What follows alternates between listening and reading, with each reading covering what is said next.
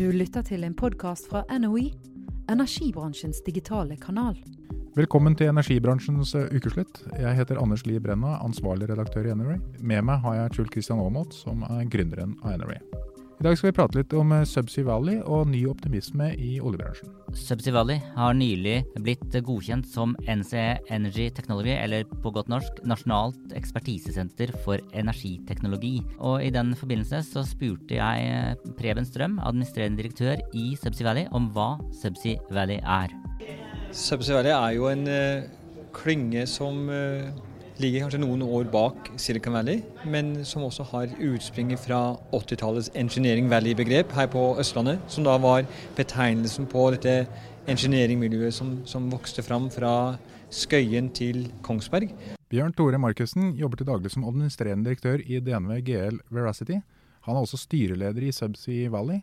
Og de har nå gått ut og sagt at de har ambisjoner om å skape 1000 nye arbeidsplasser. Vi spurte om det var realistisk. Eh, tallet 1000 kommer jo ut av eh, at i forbindelse med prosjektet vårt NCA Energy Technology, så har vi lista flere konkrete målsettinger. 1000 arbeidsplasser er én. Eh, mer forskning og utviklingsprosjekter eh, er et annet. Eh, vi har valgt å tørre å tallfeste det her. og Det er med bakgrunn i at eh, vi opplever at når det offentlige velger å investere penger på en tro om at her skal vi skape verdi for landet og for regionen.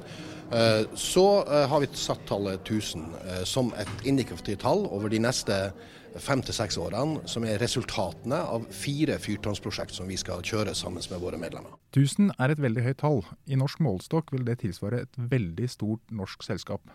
Ja, og så Derfor så spurte jeg eh, også Terje Søviknes, olje- og energiminister, om dette tallet er realistisk. Ja, Det mener jeg absolutt. Eh, nå er det jo selvfølgelig sånn at det går bedre i olje- og gassbransjen generelt, og det vil nok generere òg nye arbeidsplasser i eh, Subsea Valley-klynga, eller nå NCE Energy Technology som det, det heter.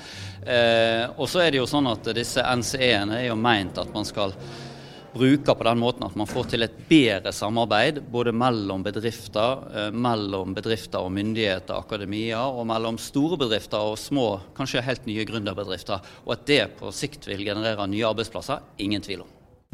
Energibransjens ukeslutt presenteres av ledige stillinger på NOE.no. 1000 nye arbeidsplasser høres veldig bra ut. På den annen side så er det jo 50 000 arbeidsplasser som har blitt borte.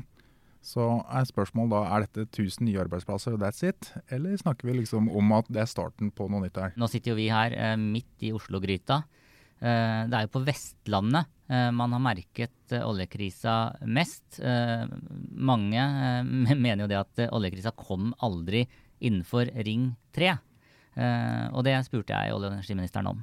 Nei, Det er litt vanskelig å si. Eh, det er alltid noen som blir berørt. og Det var en stor nedtur eh, etter oljeprisfallet i 2013-2014. Eh, og Det har vært mange bedrifter som har blitt berørt. Helt sikkert òg bedrifter i Oslo-regionen.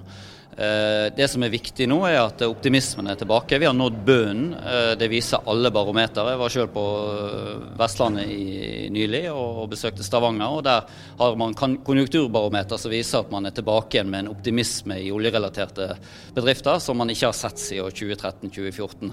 Og Det samme vil nok gjelde òg bedriftene innenfor Subsea Valley. og Det engineering-miljøet vi har her, er jo særdeles viktig i bl.a.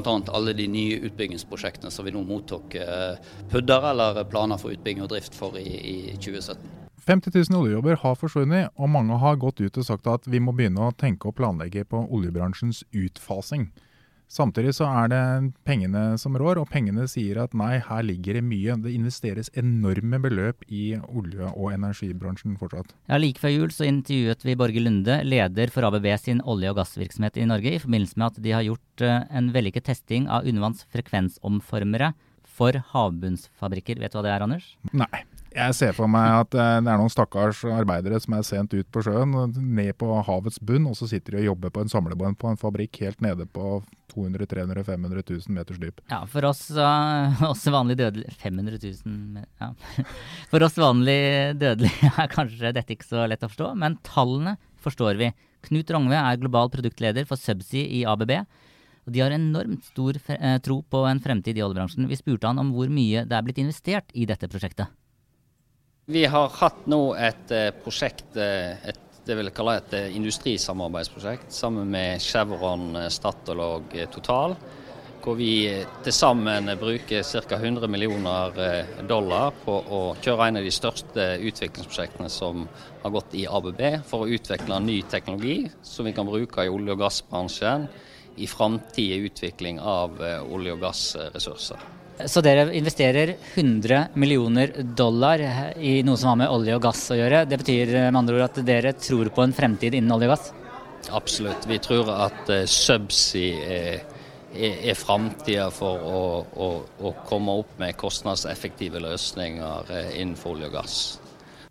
Energibransjens ukeslutt presenteres av ledige stillinger på NOE.no.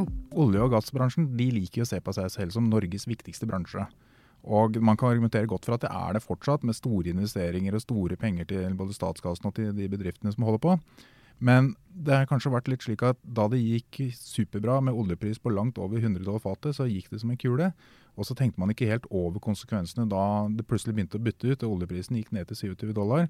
Og så plutselig var alt fullstendig krise. Nå har da olje- og gassbransjen et stort problem. De er nødt til å på en måte signalisere rundt i resten av landet at jo, dette er en bransje på veien opp igjen. Og så tror kanskje ikke folk på det. De ser liksom bare oljekrise, oljekrise, oljekrise. Og man blir litt redd for å sende ungene sine ut på skolegang hvor eh, man eh, satser på at de skal få en oljekarriere. Det høres ikke trygt ut. Ville du anbefalt uh, sønnen din å, å, sikte mot olje? Ja, jeg ville faktisk det. For jeg syns det er så mye spennende som skjer der. Og hvis du ser på programmet på Discovery Channel, National Geographic og ser liksom hva store prosjektene er sånn, det er helt klart vanvittige prosjekter. Og enten det går innen olje og gass, eller at man bruker den kompetansen på andre felt, sånn som havvind og den type ting, så er det garantert mye spennende som skjer der. Og det er fortsatt slik at olje- og gassbransjen drar inn enorme pengesummer, og det kommer den til å gjøre i lang tid fremover. Og da har vel kanskje oljebransjen en eh, stor utfordring, da. For det var bare to søkere til petroleumsfag uh, i fjor. Uh, det kommer til å bli en mangel på kompetent arbeidskraft i oljebransjen. Og vi spurte olje- og energiministeren om han er bekymret. Ja, min bekymring har vært gjennom hele 2017 at uh, den nedturen vi har sett gjennom de to-tre siste årene, som har bidratt til at færre søker seg til petroleumsrettede studier, skulle resultere i at vi om noen år uh, plutselig står uten kvalifiserte folk som, som har en utdanning som er relevant for olje- og gassnæringa. De signalene som nå kommer ut, både veldig mange utbyggingsprosjekt som kom inn i 2017, ti i tallet, som eh, representerer investeringer på 125 milliarder kroner og antageligvis 100 eh, 000 årsverk over de neste årene.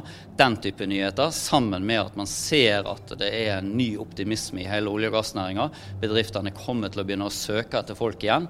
Eh, og det å få ut disse stillingsannonsene, sånn at ungdom i utdanningsvalg ser at her er det sentrale, interessante bedrifter som søker etter ny kompetanse, det vil òg eh, bidra til at unge velger olje og gass eller petroleumsretta utdanninger i eh, årene som kommer.